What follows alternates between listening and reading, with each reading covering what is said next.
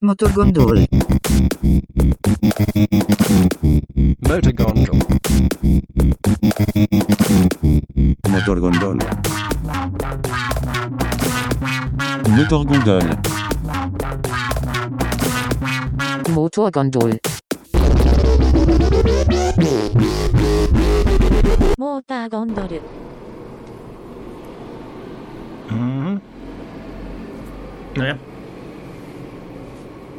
Yo, grandmother Flash in the house. Mother Flash. Finns det någon sån? M to the T to the G to the D. Just freestyling. Vad heter det? Jag såg på den där hiphop-dokumentären på Netflix. Den var bra. Vilken av dem? Den där i fyra delar som berättar allt om hiphopens historia. Är det Gamla Testamentet? Mm. Det är gamla, hiphopens gamla testament. Ja. Exakt. Jag lärde mig en bra sak där som jag inte hade vetat. No. Att det inte Easy Being a Pimp? just det, det är första Moseboken. Ja. Första, eh, vad heter det? Grandmother Flash-testamentet. Mm. Men, men vad heter det? Ja, ett, ett breakdancing. Varför heter breakdancing? För att det kommer från de där breaksen på de där skivorna. Som man scratchar. Mm. Okej. Så man tog, man tog en sån här del där det var så här trummusik. Sen höll man på och, och loopade. Och så kom det såna här breaks där. Och då måste man börja dansa. Så det är liksom en sån här...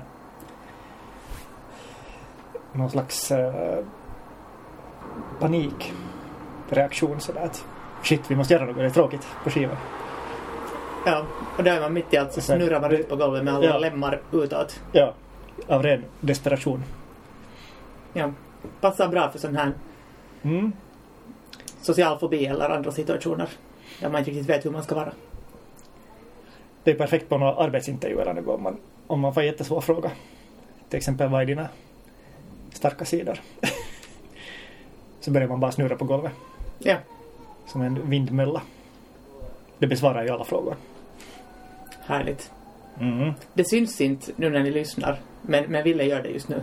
Jag gör det just nu. Jag har starka lungor så det, det hörs inte. Men jag snurrar för tillfället. Jag är inte så bra på botanik. Det kan lika gärna vara anemoner som passionsfrukter. Det kan det vara. Det hör till i det melankoliska rummet. Nej men det där... Eh, jag tänkte att... Att vad heter det för de lyssnare som, som skulle behöva nu en akut lite så här snabb genomgång av Kari Johannissons texter om melankoli och som inte själva har den här hennes bok om melankoliska rum men som skulle vilja få en sån där, bara en liksom snabb liten luntlapp, kanske ska ha en tenttid-historia eller någonting sånt. Så Om kan man vi är- göra en liten recap. Om man är mellan, jättemelankolisk kanske man inte har lust att läsa böcker så Mm. mycket. Inte i alla fall böcker om melankoli. Så nu får ni Suoraan suoneen. Ni behöver inte själv läsa någonting. Nu ska vi berätta hur det går till. Det är lite som det här gamla skämtet om att, att bibliotek vägrar eh, att ta in boken så här Suicide for Dummies för de kommer aldrig tillbaka med de böckerna. Mm. Så man ska inte heller skriva en bok om melankoli för sen blir folk bara ledsna. Men har du klarat dig undan Okej. Charlotta? Alltså jag, jag vet inte om jag helt skriver under här din, din, eh, din presentation av den här eh, psykologiska kausaliteten men men det där eh, Ja, alltså jag kom på, jag kom att tänka på det här temat för att det var aktuellt, det har varit liksom aktuellt här i dagspressen för de, under de senaste veckorna. Egentligen från, från vappen och framåt. För att En mycket melankolisk tid. Ja, det har skrivits om ett, om ett liksom särskilt melankoliskt rum. Eller den här, den här idén med att, med att kalla det för melankoliska rum då, som, som Johannisson har, är det att, att, att den här melankolin är liksom inte ett, bara ett sådant eh, begrepp eller en, en sån där monolitisk, ett monolitiskt fenomen. Utan den, den kan liksom innehålla flera olika rum. Och att det är på något sätt en sån här gränsyta mellan jaget och samhället eller den här sociala sfären som, där liksom gränserna hela tiden lite förflyttas för vad som anses sjukt och vad som anses friskt och vad som anses bra och dåligt och så här. Så alla människor kan lite vara sådär på tröskeln till lite olika melankoliska rum vid olika tillfällen. Och det där och det melankoliska rummet som har varit uppe i pressen så, så har nu varit bland annat det här um, utmattningen. Upplevelsen av utmattning Mm. kan man säga. Det är kanske inte riktigt foajén till de här melankoliska rummen men det är kanske, ja det är kanske, vad ska man säga, salongen, matsalen i det melankoliska huset. Jag vet inte riktigt hurdan metafor jag ska bygga upp här nu. Men det där, det är ju så att att den här arbetsministern Jari Lindström har varit lite på sjukledigt. Och det är lite intressant hur det här porträtterades, tyckte jag. Mm. För att det här sättet som det här sen eh, redogörs för i till exempel en så här väldigt lång intervju i, i Helsingin Sanomat så den den faktiskt är ett fint exempel på jättemånga av de sakerna som Kari Johannesson tar upp. Alltså, först eh, så bygger de upp en sån här bild. Det är alltså då 30 i fjärde. På, på valborgsmässoafton så här, är den här inter, stora intervjun varit uppslagen här. Mm. Här är en stor bild på när han lyfter tyngder. Och det har ju varit hans liksom tidigare, vad ska man säga, grej har varit det att han har varit arbetare, fabriksarbetare och eh, också hållit på ganska mycket med tyngdlyftning tydligen. Och, och det har liksom, det har varit hans identitet. Men nu så håller han, nu så, så liksom i den här intervjun så gör han någonting som är mycket, mycket tyngre än den tyngsta tyngden som man någonsin har tyngdlyft. Raskaita lauseita. För att han talar om ett ämne som är väldigt äh, tabubelagt och som man inte riktigt pratar om. Och det är det att hur det här äh, politikerjobbet är tungt. Och sen så här som alla socialpsykologer eller etnografer eller sociologer eller vad som helst för så här forskare som forskar i sådana här texter. Nu måste jag ju så här klargöra att jag vet ingenting om Jerry Lindström som människa och person och individ. Utan det enda jag har framför mig här är en text som en journalist har producerat. Så allt som jag säger handlar bara om den här texten i den här tidningen. Jag, gör inga, jag kommer inte med något påstående om, om, om Jerry Lindström som en, en holistisk varelse. Läser du texten helt sådär som, som det här helt, helt det här liksom litteraturvetenskapliga sättet att definiera text att det liksom att, att det, det har egentligen ingenting att göra med den riktiga personen heller. Den Ja. artikeln. Ja. Alltså här möts liksom han måste på något sätt göra något visst identitetsarbete här i den här eh, intervjun för att precis som alla andra aktörer som någonsin uttalar sig om någonting för att liksom framstå som en vettig människa. Och då måste han göra det i enlighet med något existerande uppfattningar om vad som är vettigt och, och det där. Och det är kanske de uppfattningarna som jag är så här intresserad av Mm. och inte Jari Lindströms eget lidande. Men, men det som är intressant, det som han liksom måste jobba mot här, det som han helt tydligt måste jobba mot är en sån här uppfattning om svaghet och vad svaghet är. För att när han ska förklara det här att, att hur det gick så att han blev så här sjuk så säger han att, att se ei liity vain siihen, etten jaksaisi. Alltså det har inte att göra med det att han inte skulle orka.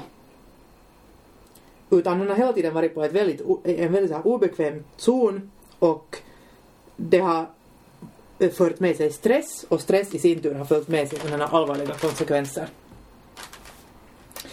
Sen, det här är säkert reporterns ord, eller journalistens ord, att det kommer en så här ordentlig jysähdys. Alltså att han efter en så här lång tid med stress så kom det så här jysähdys, inte en jytky ändå, men en Mm. jysähdys. När han, Jysähdys, Jysähdys en liksom motsatsen till en jytky? ja kanske det. Nu vet vi det. Mm. Ja men då, då, då var han riktigt, äh, fick en massa jobbiga symptom och, jag måste ta en massa mediciner.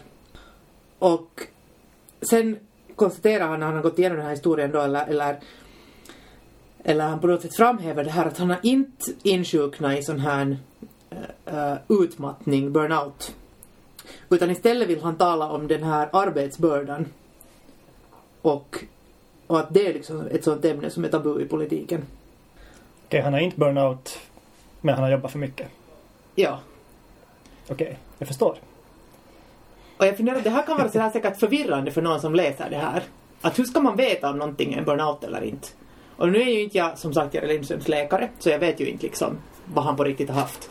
Men jag tycker det här det här sättet att prata om det här så det liksom säger kanske någonting om några så här spänningar i språket när det gäller hur man talar om stress, hur man talar om utmattning, hur man talar om liksom kroppsliga symptom och, och ohållbara eh, arbetsstrukturer och allt sånt här.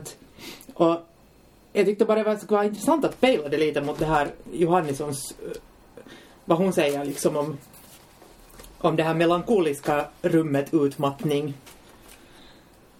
Och det där...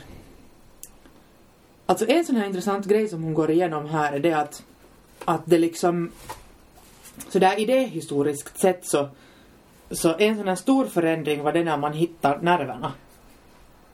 Så det är en grej som liksom lägger grunden till det här moderna utmattningssyndromet. För att Mm. på medeltiden trodde man att det var så här vätskor eller så här galla. Just det. Eller det var så som man förstod människan var. Att man hade så här svart galla och gul galla och, och, och fanns det två till. Nu kommer jag inte ihåg dem. Men i alla fall. Om Sen, här, sen öppnade man upp en groda och märkte att nerver. Ja. Ja, men det var liksom sådär, det var bara så helt enkelt att de här vätskorna skulle vara i balans. Om de inte var i balans så då kunde man få så här konstiga symptom. Om de var i balans så då, då var allting bra. Mm. Men sen, sen liksom på, på 1700-talet så, så hittar man de här nerverna. Eller man hade väl hittat dem nog redan före det, men, men liksom på 1700-talet blev den här nervmetaforen jätteviktig. Och då kom det liksom in det här med nervositet, att vara nervös. Mm. Och, och de här nerverna är jättebra som sådana metafor för att istället för sådana odefinierade vätskor som bara skvalpar runt i kroppen så de där nerverna är sådana liksom att, att det, det hör man ju direkt att, att här trådar, att de kan ju bli för spända, att om man blir för överbelastad så då kan de bli, de bli sådär spända och sen kan de brista och sen kan det gå dåligt. Just det, nerverna på helspänn. Ja.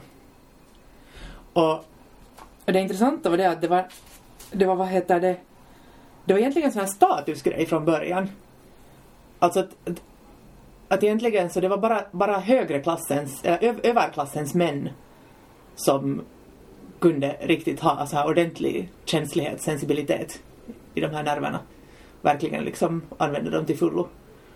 För de, de skulle liksom performera ett sånt här unikt jag i, i de här olika salongerna och sociala Mm. sammanhangen och, och bli liksom såna här upp, upplysningens liksom individer som, som kunde liksom känna överväldigande o, olika liksom känslor och, och, och uppfatta olika estetiska uttryck och sånt här med hjälp av de här finkalibrerade nerverna. Medan sen liksom just arbetarklassen och, eller alla lägre klasser och sådär, så de hade inte liksom lika fina nerver. Så de kunde inte alls uppleva lika många saker och därför kunde de inte heller få några sådana här nervsjukdomar eller nervdiagnoser. Jag drar direkt para, paralleller till att det är lite samma så här kapprustning som, som det här beskrivs i, i Ulla Donners den här visual novel, vad det nu heter på svenska, men den här Splinish. Just det, har du läst den? Ja, så det där så den, den beskriver just scener ur liksom den, den kreativa klassen så att säga i, i, i svensk Finland då ant, antagligen. Liksom de här som går på vernissage och som är på hemmafester och jämför sina liksom hur, hur, hur eh, betagna de har blivit av något visst konstverk och liksom det är nästan som en tävling. Ja. Alltså vem som är mest på något sätt.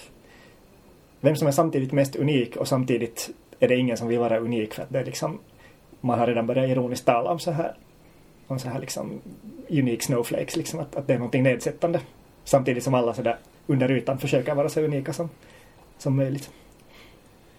Ja, just det. Så att egentligen om man går och tittar på något konstverk så, så måste man just producera en sån här tillräckligt trovärdig eh, reaktion som är både liksom sensitiv men Mm. ändå inte för unik. Eller ändå inte gör anspråk på att vara för individuell och, och, och sådär. Det är lite som när jag, känner alltid som om jag ska skriva en essä, eller då när jag ännu studerar aktivt så när man ska skriva en essä så man kan ju inte ta den här mest uppenbara idén. Utan det måste ju alltid vara någon liten så här twist på det sådär så att det känns så, så det känns som att man är unik. Trots att Mm. säkert hundratals andra människor har skrivit samma essä någonstans annanstans i världen. Men man vill ha, uppehålla den här illusionen om att, att nu har jag hittat på något eget. Ja. Ja men det här alltså, just det här att kunna bli Eh, att kunna bli nervös. Så det var liksom, det, kunde till och med betraktas som en slags kompetens sen just när man kommer till det här mera moderna industrialiserade samhället också. Att till exempel finns det ett långt kapitel om, om Max Weber och alla hans olika symptom. Och där var det jätte, jätteviktigt att, att det var liksom inte en sjukdom, den här nervositeten eller de här olika symptomen som just då utmattningssymptom Mm, mm. eller annat. Att, att det var liksom inte en, en sjukdom eller något fel på en utan det var just för att man var så väldigt äh, liksom in, intellektuell och sensitiv och, och på alla sätt äh, liksom käns, helt enkelt man, man hade en, en större förmåga och känslighet än andra människor och därför kunde man sen utsättas för de här symptomen. Det är lite samma tongångar som i dagens läge där man talar om att, att inte, in, människor med hög intelligens så, så har större sannolikhet att vara deprimerade eller, eller ha ångest och så vidare. Så det är på något sätt en sån här liten på något sätt en sån här liten, ett försök att rädda liksom att om du har de- depression så, nå, Mm. det är åtminstone en liten guldkant, du är antagligen jätteintelligent. Jag vet inte, ja. Nu stämmer det väl statistiskt kanske att det hänger ihop men, men det betyder ju inte att för att du är deprimerad så är du intelligent. Nej, det blir igen problem med den här kausaliteten. Ja. Men det där, Och Jag kan ju säga att, att Splinish nämner ju inte heller arbetarklassen eller något sånt utan det är just de här professionella så att säga konstnärer nej just det. och sånt. Men det är intressant det där att, att det ändå finns fortfarande också kvar den här diskursen att det är lite fint att vara att vara nervös av sig eller att, Mm. ha lätt för att få sig nervositetssymptom för att Woody Allen ja som just praktexempel. Men för att, för att Johannesson gör liksom den här spaningen att, att just att, att, att det var liksom på, på 1700-talet som den här sensibiliteten äh, var, var liksom sån här jätteviktig och, och som en kompetens och så här men att sen har egentligen Alltså jag till exempel så säger att Tysklands rikskansler kansler Otto von Bismarck kunde berätta om, om sina olika symptom och blev, blev bemött med väldigt stor respekt. Och så här, att det var liksom inte tal om att det skulle ha varit stigmatiserat för honom att säga Mm. att, att han liksom har varit utmattad och, och, och melankolisk och det ena och det andra. Men, men att den här liksom öppenheten egentligen har blivit mindre under historiens gång efter det. Att, att hon liksom jämför det med till exempel när Norges statsminister i början av 2000-talet hade en sån kollaps. Och då, och då liksom kom det en jättestor all, all, allmän beställning på att hitta på någon ny diagnos som inte skulle vara stigmatiserande för att då ansågs, det färdigt så stigmatiserande att få ett, ett nervsammanbrott eller att, Mm. liksom, att nerverna skulle visa sig.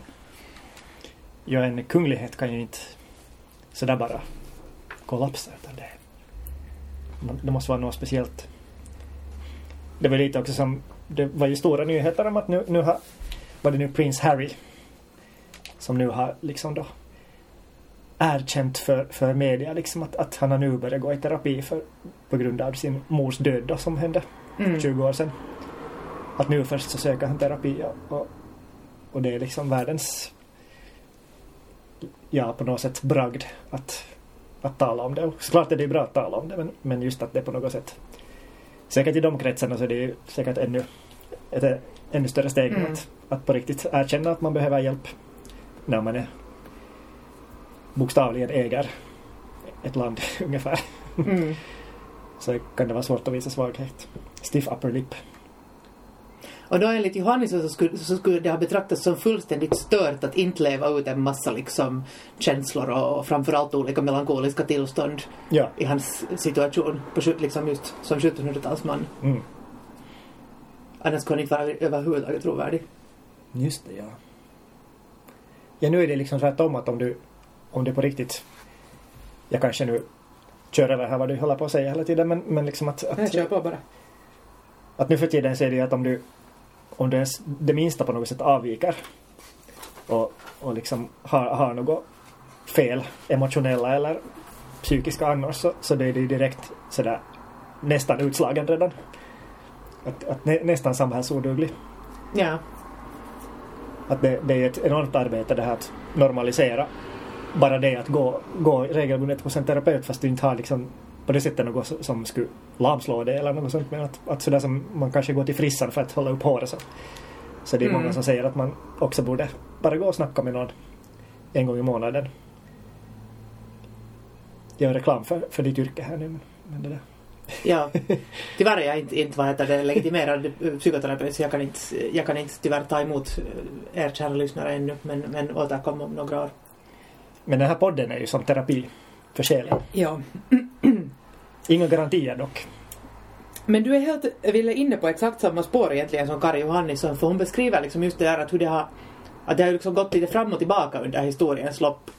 Sådär att, att hur man har betraktat den här nerv, nervositeten eller tröttheten. Att, att det som eh, när hon har skrivit den här boken då ungefär i början av 2000-talet så har hon jämfört sådär att, att i början på 1900-talet och, och i början på 2000-talet så, så händer det ganska liknande samhällsutvecklingar.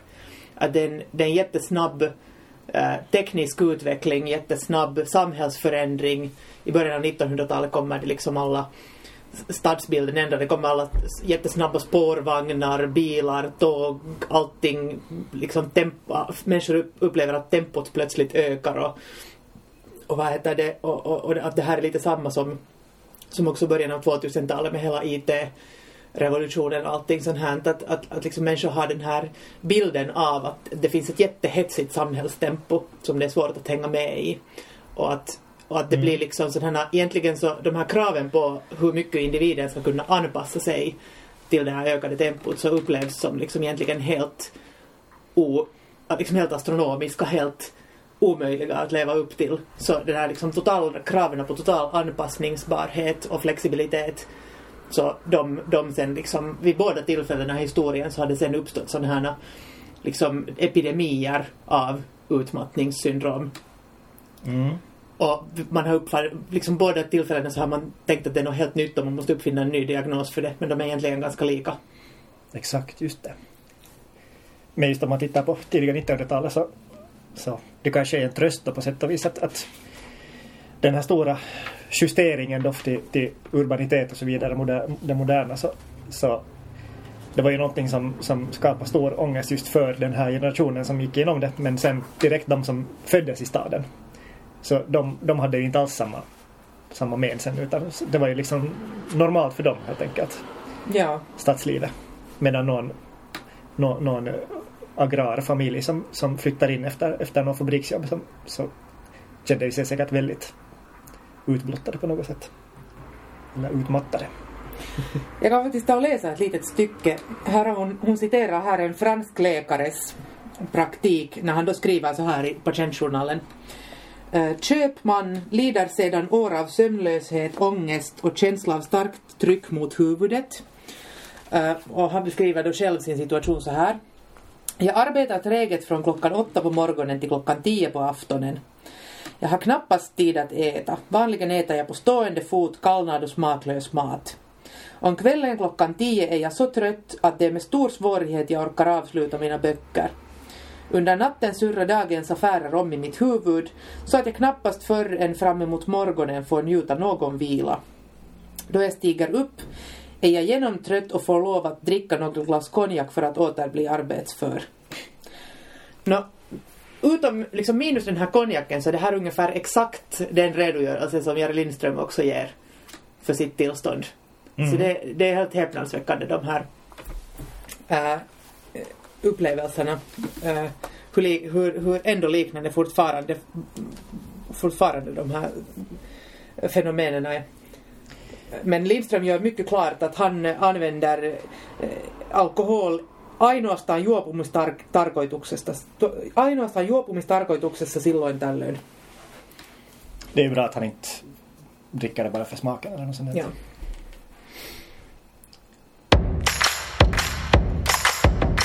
Men nu du ju det här Lindströms uh, men är ju kanske inte en följd av, av tidens hektiskhet utan jag menar politikerjobbet ser ju ganska likadant ut nu som, som Mm. då. Det är ju kanske bara det att hans uh, arbetsbörda har ökat ganska markant. Att han är ju kanske inte ett symptom på, på den moderna tiden eller internettiden. Beror på hur mycket han använder såklart. Olika informationskällor och sånt. Men Mm. Men det som är väl eller grejen här är att det, att det är just de här mm, Alltså det är just de här jobben som kräver att man jobbar med huvudet som leder till sådana här tillstånd. Jo, absolut. Att, och det där kan man ju fundera på att vad det- är det liksom någon slags klassförakt hos, hos den här medicinska expertisen eller är det liksom är det på något sätt inbyggt i det här utmattningens melankoliska rum att så länge man jobbar i en fabrik och lyfter tyngder så kommer, så kommer det inte sådana här symptom. Men om man plötsligt ska sköta två ministerposter eller en köpman i Frankrike som arbetar från åtta på morgonen till tio på aftonen och, och bara äter kall och smaklös mat. Så då sitter man plötsligt där och har eh, det här eh, problemet. Så det är ju liksom, det är ju också någonting som är lite sådär på ett ambivalent sätt liksom statuskodat. Samtidigt stigmatiserat och samtidigt statuskodat. Det finns ju någon fin term för det här att just människor som jobbar mycket då med, med, med huvudet. Som att det är liksom någon, någon ännu svagare version av just så här melankoli eller något sånt där att, att Vitsi, vad hette det? Jag hörde det på någon föreläsning. Jag tyckte det var ganska någonting som jag kände igen själv. Så att, att det är inte så att man ska känna, känna depression eller, eller ångest eller spleen eller vad man, vill, vad man nu vill kalla det utan bara en sån där riktigt, riktigt light version av det. Så att, att, att livet är liksom lite trögare än vanligt. Just om man har suttit och tänkt jättemycket. Det är inte neurasteni. Jag är inte säker. Jag kommer inte ihåg. Men det är nog någonting som, som jag märker själv också att, att när man har i en eller två veckors tid varit jätteintensivt med någon, ja, gjo- gjort någonting som, som har krävt jättemycket tankekapacitet så, så man är liksom så på något sätt uttömd. Mm. Att det, att det blir som någon slags just, som någon symptom nästan. Mm. Ja, det skriver Johannisson också om det här att, att hur, hur den här, hur den här liksom nya tekniska utvecklingen ledde till nya så metaforer för psyke. Och just det där att, att, att när man börjar ha mera både teoretisk och praktisk kunskap om till exempel olika energiformer så, så ledde det just till att man fick den här metaforen liksom att, att människan är som en behållare med, med liksom, som har en viss mängd energi Mm, och sen kan den där energin ta slut och då går det dåligt. Ja, speciellt alltså hjärnan och psyke har ju, ja det har alltid beskrivits med den tidens mest liksom mo- moderna teknologi. Att, att först var det just kanske några vätskor och, och trådar och sånt men sen blev det ångmaskin, att man kokar över. Och sen blev det, ja, sen blev det, ja kugghjul blev det där också emellan och, och allt möjligt. Att, nu är det väl datorer kanske som är dagens melodi. Ja. Vi får olika virus som vi måste städa bort eller något sånt. Ja. Men det där, men en jätteviktig grej här i den här texten, intervjun, är också det här, den här liksom, hur man ska förhandla det här ansvaret för det här tillståndet. För att en sån där annan viktig grej enligt Johannisson som bestämmer det att om det är stigmatiserande eller eh, om det är fint eller liksom om det är bra att status att vara utbränd. Så det är det att, att hur, man, hur man ser på den här frågan om just ansvar. Att, att liksom från både, både då i början av 1900-talet och i början av 2000-talet så, så såg man det så fanns det liksom en upptakt där man först såg det som, som någonting som man tydligt liksom flyttade över ansvaret på organisationen eller på något sätt på, på liksom så här yttre faktorer. Att, att den här diagnosen kunde uppstå först när man sa tydligt och klart att det här beror inte på felaktiga individer utan det här beror på, att, på just arbetsbördan eller det här beror på att, att det är liksom dåligt, eh, att det, att det är för hektiskt det här samhället eller någonting sånt. Och då kan det liksom vara en, på ett annat sätt en, en liksom okej diagnos att ha. Att, att redan, redan liksom före 2000-talet började så förebådades det av den här, den här, de här yuppiernas liksom Young Urban Professionals olika äh, diagnoser som de kunde få. Mm. Att, att där liksom börjar man tala om det där arbetstempot och hur det påverkar dem. Och speciellt att det var just så här heta branscher. Att IT-branschen som var så här het bransch där man måste kasta sig in med hull och hår och vara hela tiden i ett sådant hett tempo. Så där kunde man just vara utsatt för sånt här. Och då var det just mera status att ha det. Men sen, sen hände det igen någon sån här att småningom så började det bli allt mer kvinnor och framförallt mer arbetarklasskvinnor som fick den här diagnosen. Och då blev det igen så här jätteosexigt att vara utbränd. Och då börjar man i, och ha en sån modell att tänka att det liksom ändå på något sätt någon slags svaghet hos den där individen eller någon slags otillräcklighet alltså. Mm, att den metaforen blev den att, att, att man blir utbränd om man inte räcker till eller om man är på något sätt för passiv eller för inte tillräckligt eh, Ja, att man helt enkelt räcker, räcker till för kraven, då blir man utbränd. Ja, sen i samma veva så blev det ju jättetrendigt det här med downshifting och sånt. Att om du hade ett sånt jobb att du hade råd att jobba bara tre dagar i veckan så, så då, då var det liksom det som man skulle göra. Och att, att liksom... Ja, i, det, ingen tänkte på, på de som liksom med nöd och näppe klarar livhanken med, med sitt heltidsarbete. Mm. Men att det var liksom synd för dem. Så Lindström liksom måste, här när den här journalisten frågar honom saker om det här hans tillstånd så han måste hela tiden liksom förhandla med två olika så här fällor som han kan hamna i. Och det ena är just den här könsaspekten, att det har blivit så femininiserat den här utbrändheten. Att den förknippas just med liksom kanske särskilt kvinnor i olika lågstatusyrken eller sen kreativa yrken eller på något sätt feminina egenskaper. Så han måste förhandla den här sin egen maskulina position som man där och sen måste han också förhandla sin klassposition. Att, att man inte vill liksom associeras med fel klass. Ja, det är ju inte bara kvinnor i lågstatusjobb utan kvinnor överlag så, så man talar ju alltid om det här med livspusslet. Vet du, att det är du som Ja. ska sköta barnen och ha en karriär och Ja. ha en något jättebra hobbyn som ger dig mening i livet. Och att allting ska liksom balanseras. Och du ska träffa dina vänner och så vidare. Och det här är någonting som åtminstone sådär i diskursen så är det ju ofta kvinnor som, som ta, talar, som känner den här pressen. Säkert speciellt, eh, framförallt på grund av just barnskötseln och sånt. Men att, att sam, samma sak kommer ju väldigt sällan upp för, för liksom manliga eh, personer. Att, att det här med att ingen frågar mig så att hur klarar du av livspusslet? Ja, just det. Hur klarar du av livspusslet? Inte, jag tänker inte saker. Ja. I för sig, jag har inga barn heller. In, inte ens några hemliga barn som jag borde sköta egentligen som jag ignorerar. Utan jag har på riktigt inga barn. ja. Samma här, jag tycker det går helt okej. Det finns ju den där Facebookgruppen, den här, vad heter den, något så här Successful man who has it all. Så det är alltid en bild på en man och så är det just någon sån här, någon mening som man brukar säga åt kvinnor sådär att, att ja, men nu kommer jag såklart inte på något exempel. Men nu just ungefär det där att hur klarar du av livspusslet? Ja. Och mycket sånt här från, från damtid, eller så här heter det damtidningar, alltså sån här Cosmopolitan och sånt. Vad heter det? Är det damtidning? Tjejtidningar. Tjejtidningar. Damtidningar med sådär Hänt Extra eller något så här Allers. Ja. Men i alla fall så, så liksom meningar därifrån sådär att, att, att åh, hur lyckades, hur lyckas du hålla dig så fräsch fast du är så liksom igång hela tiden? Eller någon sån här såna kommentarer liksom. Som män inte brukar få höra så ofta. Mm. Så det är ganska kul att läsa dem. Och deprimerande men, men ögonöppnande på något sätt. Att, Ja.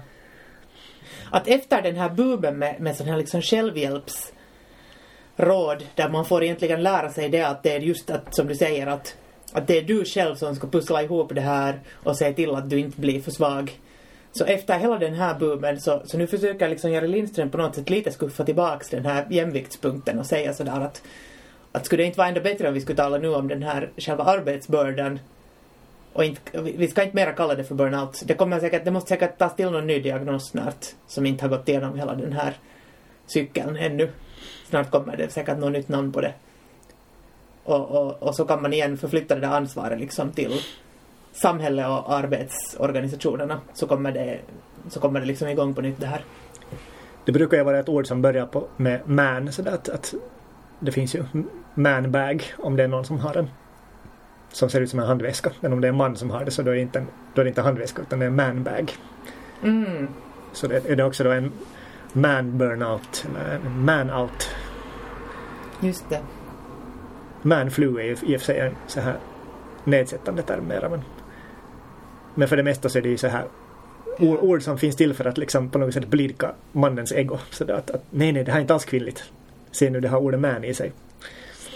Ja, just det. Ja, det är faktiskt intressant. Det var sen veckoslutet efter så var det igen en artikel i, i Hesari som, som handlar istället om en, eh, genom en läkare som är sån här smärtspecialist.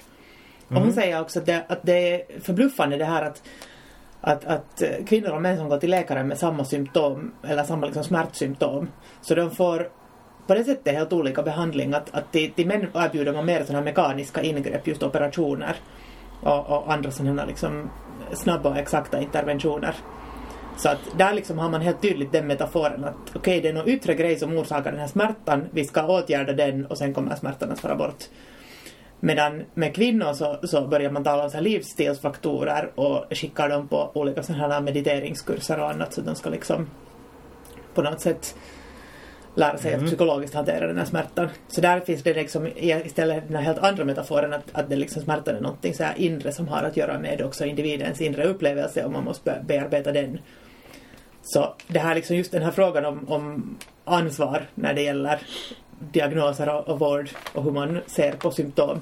Så den finns också i den här smärt äh.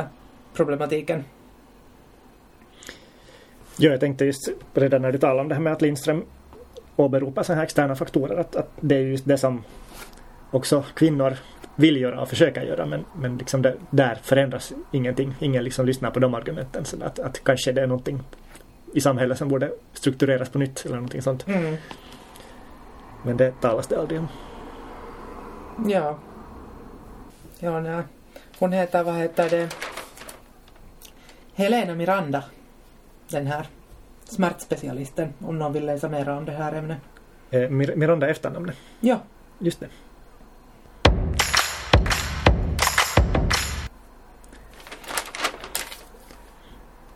Får jag hoppa lite till en annan grej här emellan Ja. som jag satt och funderade på. När du talar om det här med att på 1700-talet att folk liksom att det var fint att vara ha olika nervösa sammanbrott eller ner- nervproblem.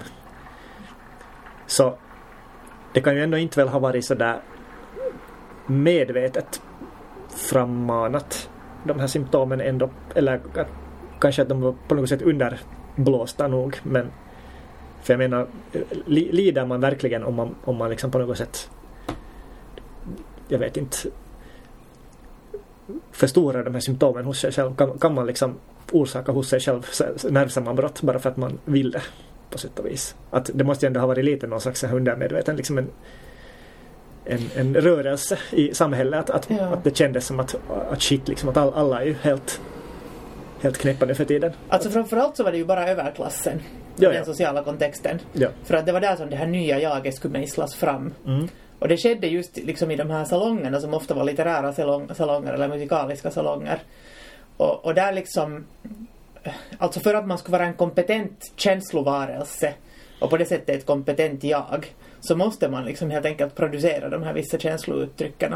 Ja men just att, att var det performativt eller var det att folk på riktigt led? No, det där är en intressant fråga som Johannisson jättemycket går igenom för att hon, hon menar att, att det där att vi kan inte riktigt liksom veta att, att var går någon gräns mellan, mellan vad som är performativt och vad som inte är det. Att, No, att det, det är liksom för vi är så här nedsänkta i sådana här koder för, för känslor att fast de där fysiologiska upplevelserna skulle vara universella eller på något sätt liknande under historiens gång så, så är det ändå liksom genom ett socialt samspel som, som de liksom får sina förfinade uttryck eller som de får sina så här slutliga uttryck.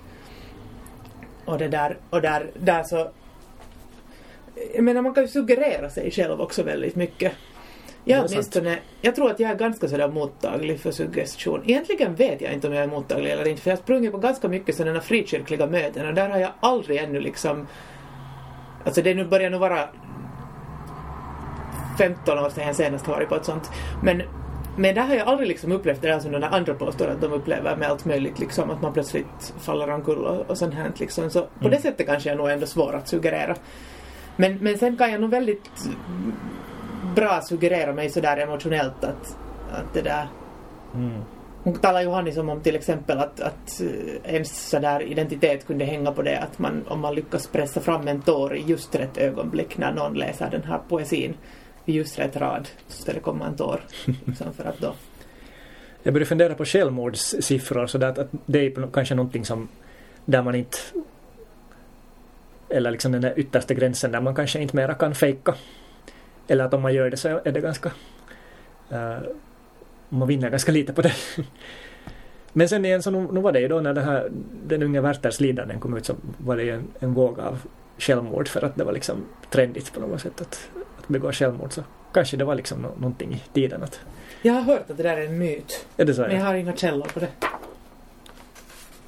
Ja. Alltså jag ska se om jag hittar det här stället där hon just diskuterar det här med att liksom hon talar om något som, som känslos, känslospråk. Och att på något sätt är väl hennes idé det här att, att, att när vi inte har liksom vi har inte sådär direkt tillgång till om man nu tänker att vet du, känslornas grund skulle vara något sådär universella fysiologiska tillstånd i hjärnan eller något sånt. Men vi har liksom inte direkt tillgång till dem. Att vi kan inte sådär uttrycka dem oförmedlat utan vi måste använda oss av något slags liksom gemensamt överenskomna signaler för att kunna beskriva dem eller för att kunna liksom och för att andra människor ska förstå vad det är. Och, sådär. Mm, och för mm. känslor är ju på något sätt också en del av just det här sociala samspelet. Att, det, att, att liksom det, det, de är på något sätt riktade till det här, också det här sociala forumet, så därför, därför liksom påverkas våra uttryck av det, att hurdana verktyg där finns för att uttrycka dem. Ja, det är ju ganska relevant här i Norden där vi ganska, är ganska reserverade ändå. Är det inte någonting att det är helt liksom ungefär upp, uppmätt att, att barn i Norden så, så vi, visar färre känslor än, än barn i, på andra ställen liksom i ett väldigt tidigt skede. Att de liksom tar efter föräldrarna. Att redan när de är väldigt unga så. Jag inte, har du, hört om någon sån Ja, grej? alltså det kan hända att vi redan har talat om det här en gång, men jag kan Aha. gärna säga det på nytt. Men, men alltså åtminstone inom sån här anknytningsforskning så har man märkt det här att det där eh, eller anknytningsteorin på något sätt bygger på det här antagande om att, att eftersom barn behöver så här närhet till vuxna så Mm. lär de sig att agera på ett sånt sätt att de får den här närheten. Just det. Och sen att ofta finska barn till exempel så i högre grad än andra, än i andra kulturer så belönas man för att inte uttrycka känslor. Man Ja. kanske är liksom befinner sig i ett, i ett agiterat tillstånd men det syns inte. Ja, vi talade om det här för det var då när vi talade om karismäkis. Just det. Just det. Ja, men här finns lite för den som vill läsa in sig mera på det här temat så Johannisson nämner, nämner bland annat Anne Vincent Buffalts uh, eh, bok då, The History of Tears, alltså tårarnas historia. Hur tårarna har liksom fungerat som kunnat fungera som klassmarkör eller som känslospråk. Men ja, nu så säger hon också så här att känslomässiga anspråk och utspelar en central del i allt socialt liv. Det är redskap för iscensättning av jaget. Om vi nu håller på det här som vi har tidigare varit inne på, att man ska, ska vara skeptisk till det här jaget Mm. överlag. Så kanske det blir svårt att där dra så att finns det då något genuint jag som egentligen känner någonting annat och sen finns det ett där falskt jag som iscensätter någonting som inte finns på riktigt eller är det så att egentligen allt som händer där i det här gränssnittet mellan mellan oss själva och samhället så är på något sätt en sån där iscensättning av ett jag som inte Mm. finns före vi har iscensatt det. Tänk om alla känslor är performativa. Att, att liksom, trots att man är ensam så, så liksom performerar man mot det här tänkta jaget som finns inuti en. Mm. Mm. Tänk på det. Tänk på det. Men hon säger också så här att, att melankoli och trötthet måste inte vara personliga. Symptomen kan spegla sociala kristillstånd. Så på något sätt kan man säga att om den här ännu pågår, den här uh, utmattningsepidemin, så kanske det just säger någonting om vår sådär kollektiva upplevelse av samhället och inte bara om att olika personer går in i sådana här tillstånd. Jag kan faktiskt läsa lite här. Gör det. Mm. En, sam- en samtid kan hylla känslokontroll som tecken för stabilitet, stabilitet, en annan känslosamhet som tecken för revolt och humant engagemang. Det senmoderna samhället spelar högt på känslor. Känslosamhet iscensätts i det offentliga rummet i ritualiserade former som kan påminna om 1700-talets. Kollektivt begråter vi en död prinsessa, no, Diana, en mördad politiker eller ett drunknat barn i en tsunami. Rätt iscensatt känslosamhet kan värdera, värderas högre än behärskad distans. Makten visas i mänsklighet genom en bruten röst eller ett tårat öga. Och förmåga att beröra och beröras blir till medkänslans konst och individens längtan. En gråtande minister kan alltså plötsligt vara rätt. Varför kan man fråga sig grät inte en minister förr? För att han inte kände sorg? För att han var mer känslomässigt disciplinerad? För att det inte var rationellt i förhållande till retorisk effekt eftersom känslor inte hörde hemma i den offentliga sfären? Först när känslokoden säger att han ska gråta så gråter han. Och han gör det uppriktigt. Temat är oroande eftersom det utmanar bilden av det autentiska jaget. Är detta vad jag verkligen känner eller vad jag bör känna? Vad är mask och vad är äkthet? Kan masken skapa den känsla som den har till syfte att föreställa? Mm. Så där var en liten, ett litet smakprov på Johannissons så här Just det. take på det här med känslornas sociala språk. Ja. Men vad ska vi säga någonting om vad hon... Jag skulle säga någonting om vad hon liksom tänker att det här skulle kunna... Hur det här skulle kunna liksom fixas. Ja. Så tycker hon väl att, att det där... Eftersom hon vill placera in den här, det här utbrändhetstillståndet som ett just, just precis inom de här melankoliska rummenas sfär. Och till melankolin nu har vi inte hunnit gå in på det så mycket men, men liksom till det här melankolibegreppet hör väldigt centralt förlusten. Och så funderar hon att vad är det vi har förlorat när vi upplever ett sånt här melankoliskt rum som utbrändhet. Och då tycker hon att det är just den här balansen mellan krav och förmåga. Och då blir liksom en följdfråga det att, att om vi liksom har tappat bort den här balansen mellan, mellan de krav som ställs på oss och vår förmåga att leva upp till dem så skulle man ju lika gärna kunna tänka sig att symptomen skulle inte behöva vara trötthet utan det skulle också kunna vara någon slags uppror. Och det kan det ju vara också. I vissa fall. Ja. Tycker du att den där splinish liksom, är det någon slags, det, det var i, i den här recensionen i husets historia, att de tycker att den här liksom, där beskrivs att hur den här passiviteten kan bli till ett slags politiskt uppror. Hmm. Jag vet nu inte helt om jag håller med. Eller det är svårt att säga. Alltså den, den är så inlindad i ironi så det är liksom det, det är svårt att hitta någon, någon slags riktlinjer i den överhuvudtaget. Att jag, jag fick liksom den känslan att, att om, jag, om, jag, om, den här, om, om jag uttalar mig om den här boken på något slags, slags uppriktigt sätt att jag typ har en tolkning som jag vågar uttala. Så då kommer det att hoppa fram, fram en hipster från någon, någon roskis och, och skratta åt mig. Hånskratta åt mig. För att jag har en uppriktig åsikt. Oj. Hjälp fick Det en inre bild. Det var liksom det som, som var min så här på något sätt. Att det, ja, är, är det ett uppror? Är det, är det någon slags romantiserande av, av passivitet och, och liksom ironi, just ja, romantiserande av, av någon slags ironi, ironisk livshållning? Uh, ja, frågan är just att lid, lider hon eller lider hon inte? Är det liksom en, en pås hela grejen? Den här, den här huvudpersonen då, att, att, att li, li, ja, lider hon eller lider hon inte? Och, eh, eh, finns det någonting lustfyllt i hennes det här passiva? Hennes det här depression och allt det här eller, eller, eller är det någon slags riktigt, riktiga symptom? Eller ja, riktiga är kanske fel ord att använda men, men är det symptom som, som faktiskt orsakar lidande i henne? Lite som på 1700-talet. Ja, för det var, alltså, nu, nu har jag inte den där recensionen här men men alltså på något sätt att, att det var någon sån här efter Finns det ett sånt ord som efter, nej men eftertanke? Det är ju inte alls det.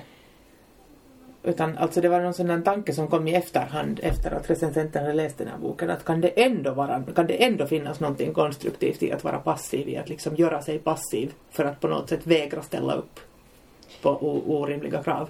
No, det är ju väldigt, jag menar, det är en ganska vanlig sån här upprorsgrej. Jag menar så här Gandhi eller någon sån här, eller sittstrejker. Då kan man ju vara aktivt passiv på många olika sätt som, så att det skapar, skapar en effekt i världen. Och ja, och också det här nu att det är ju kanske någon slags antikommersialism det här att, att vara ganska passiv och att inte konsumera så mycket. Och Mm. det är ju ett väldigt skadligt, sådär om man tänker ur en marknadsperspektiv, ett väldigt skadligt beteende att vara passiv och att inte, inte vara ute på marknaden. Varken som köpare eller säljare. Så nu, nu finns det ju många sätt att vara rebellisk via passi- passivitet. Ja. Men det var nog inte någonting som jag på det sättet upplevde den här boken som något bärande tema. Det var ju nog ett motiv, passiviteten. Och ångest och depression och så vidare. Men just det där att jag, jag hittade liksom ingen... Nå. Det var ju kanske meningen också men jag, jag hittade liksom ingen... in- in- Inga pekpinnar åt något håll. Kan det vara liksom någon sån här ny, ny form av någon slags sån här utmattning eller melankoli att det nu finns den här hipster-ironiska som man inte riktigt ens får tag på vad den är mera. Utan Mm. den är så flyende och på något sätt ogreppbar. Jo, det, det håller jag nog definitivt med om. att Jag, jag känner själv åtminstone en så här stor... Liksom, det finns en ganska stor beställning just för, för så här uppriktighet och, och sådär. Att jag, jag på något sätt saknar den tiden, tiden före postmodernismen. att liksom, när folk är på riktigt... Det kändes som att, att folk hade åsikter på riktigt. De var inte inlindade i Mm. sådana här ironiska lager och, och sådär. Det var ju säkert inte så på den tiden men, men så känns det så här i efterhand. Och det finns ju nog också de här det har ju nog kommit i flera vågor sådana här så kallade eh, the new sincerity Mm. rörelser. Och, och om man tittar på mycket av populärunderhållningen så, så den är ju nog väldigt uppriktig. Just tv-serier och sånt som Mm. det, det är väldigt lite så här relativism och sånt i det. Men så där i konsten överlag så är det ju nog fortfarande uppriktighet är lite giftigt. Känns det som. Borde vi göra sådär som i paradisdoktrinen att vi, vi, nästa avsnitt så vi går till en bar, just som du föreslog, vi går till någon Old, Old Fox eller någon bar och sen en av oss har alltid på den här Knausgård-masken och den andra dricker öl. Vad skulle det hjälpa? Jag förstod inte. är man mera uppriktig om man har En- Knausgård-masken på En sig? Knausgård som är riktigt brutalt uppriktig. Eh, ja, eller är det också bara påsar alltihop? Ja. Men det får den andra gissa, den som inte har den där Knausgård-masken på. Ja, Jag funderar vad är förresten må- månne motsatsen till utbränd? det är en bra fråga. För det är nog den där metaforen med att brinna är jättecentral där. Och det fanns i en, enligt Johannesson, fanns redan i det där riktigt gamla medeltida melankolibegreppet. Det där med att man såg sig som liksom bränd eller förkolnad eller... Mm. Ja, det är, ju, det är ju bokstavligen att man är liksom har brunnit färdigt. Ja. Att det är någon slags finalitet i det. Att man Ja. kan inte återuppliva en, ett, ett bränt ljus. Liksom. Det, det Ja. går inte att, att, för, att bota på något sätt. ja. Mm. Så där är ju kanske utdömd är ju då kanske en bättre på det sättet en bättre Mm. tankemodell. Att, att man, det går ändå att fylla upp, fyllas upp på nytt. Tydligen socialpsykologen Johan Aspelund skulle vilja ersätta det med ordet utbränning. För att liksom indikera det här att det är en process och att det är Ja. också en social process. Mm, mm. Och inte ett liksom slutligt tillstånd. Man kan ju också så tolka det just som om man tänker på de här externa faktorerna så det finns ju också begreppet utfryst. Så utfryst ur samhället eller från en gemenskap så utbränd är ju liksom att någon sådär Ja, ungefär aktivt har, har nästan aggressivt har, har kört ut dig. Först blir man utfryst och sen blir man utbränd. Ja. Det är verkligen ganska liksom heviga ja, tillstånd. Det är ju det. Det är som att sätta fiskpinnar i brödrosten.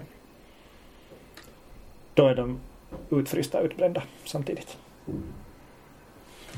Ska vi ta det här nu som en indikation på att ådran har sinat? Ja, det blev så dåliga jotton här nu så. Min hjärna blev utbränd. Men vad heter det? Ja, jag skulle kunna lämna, eh, vi skulle kunna lämna er med ett litet visdomsord från väggen på toaletten på biblioteket. Kära lyssnare, do demons feel the disco fever? Takk Okay. hei.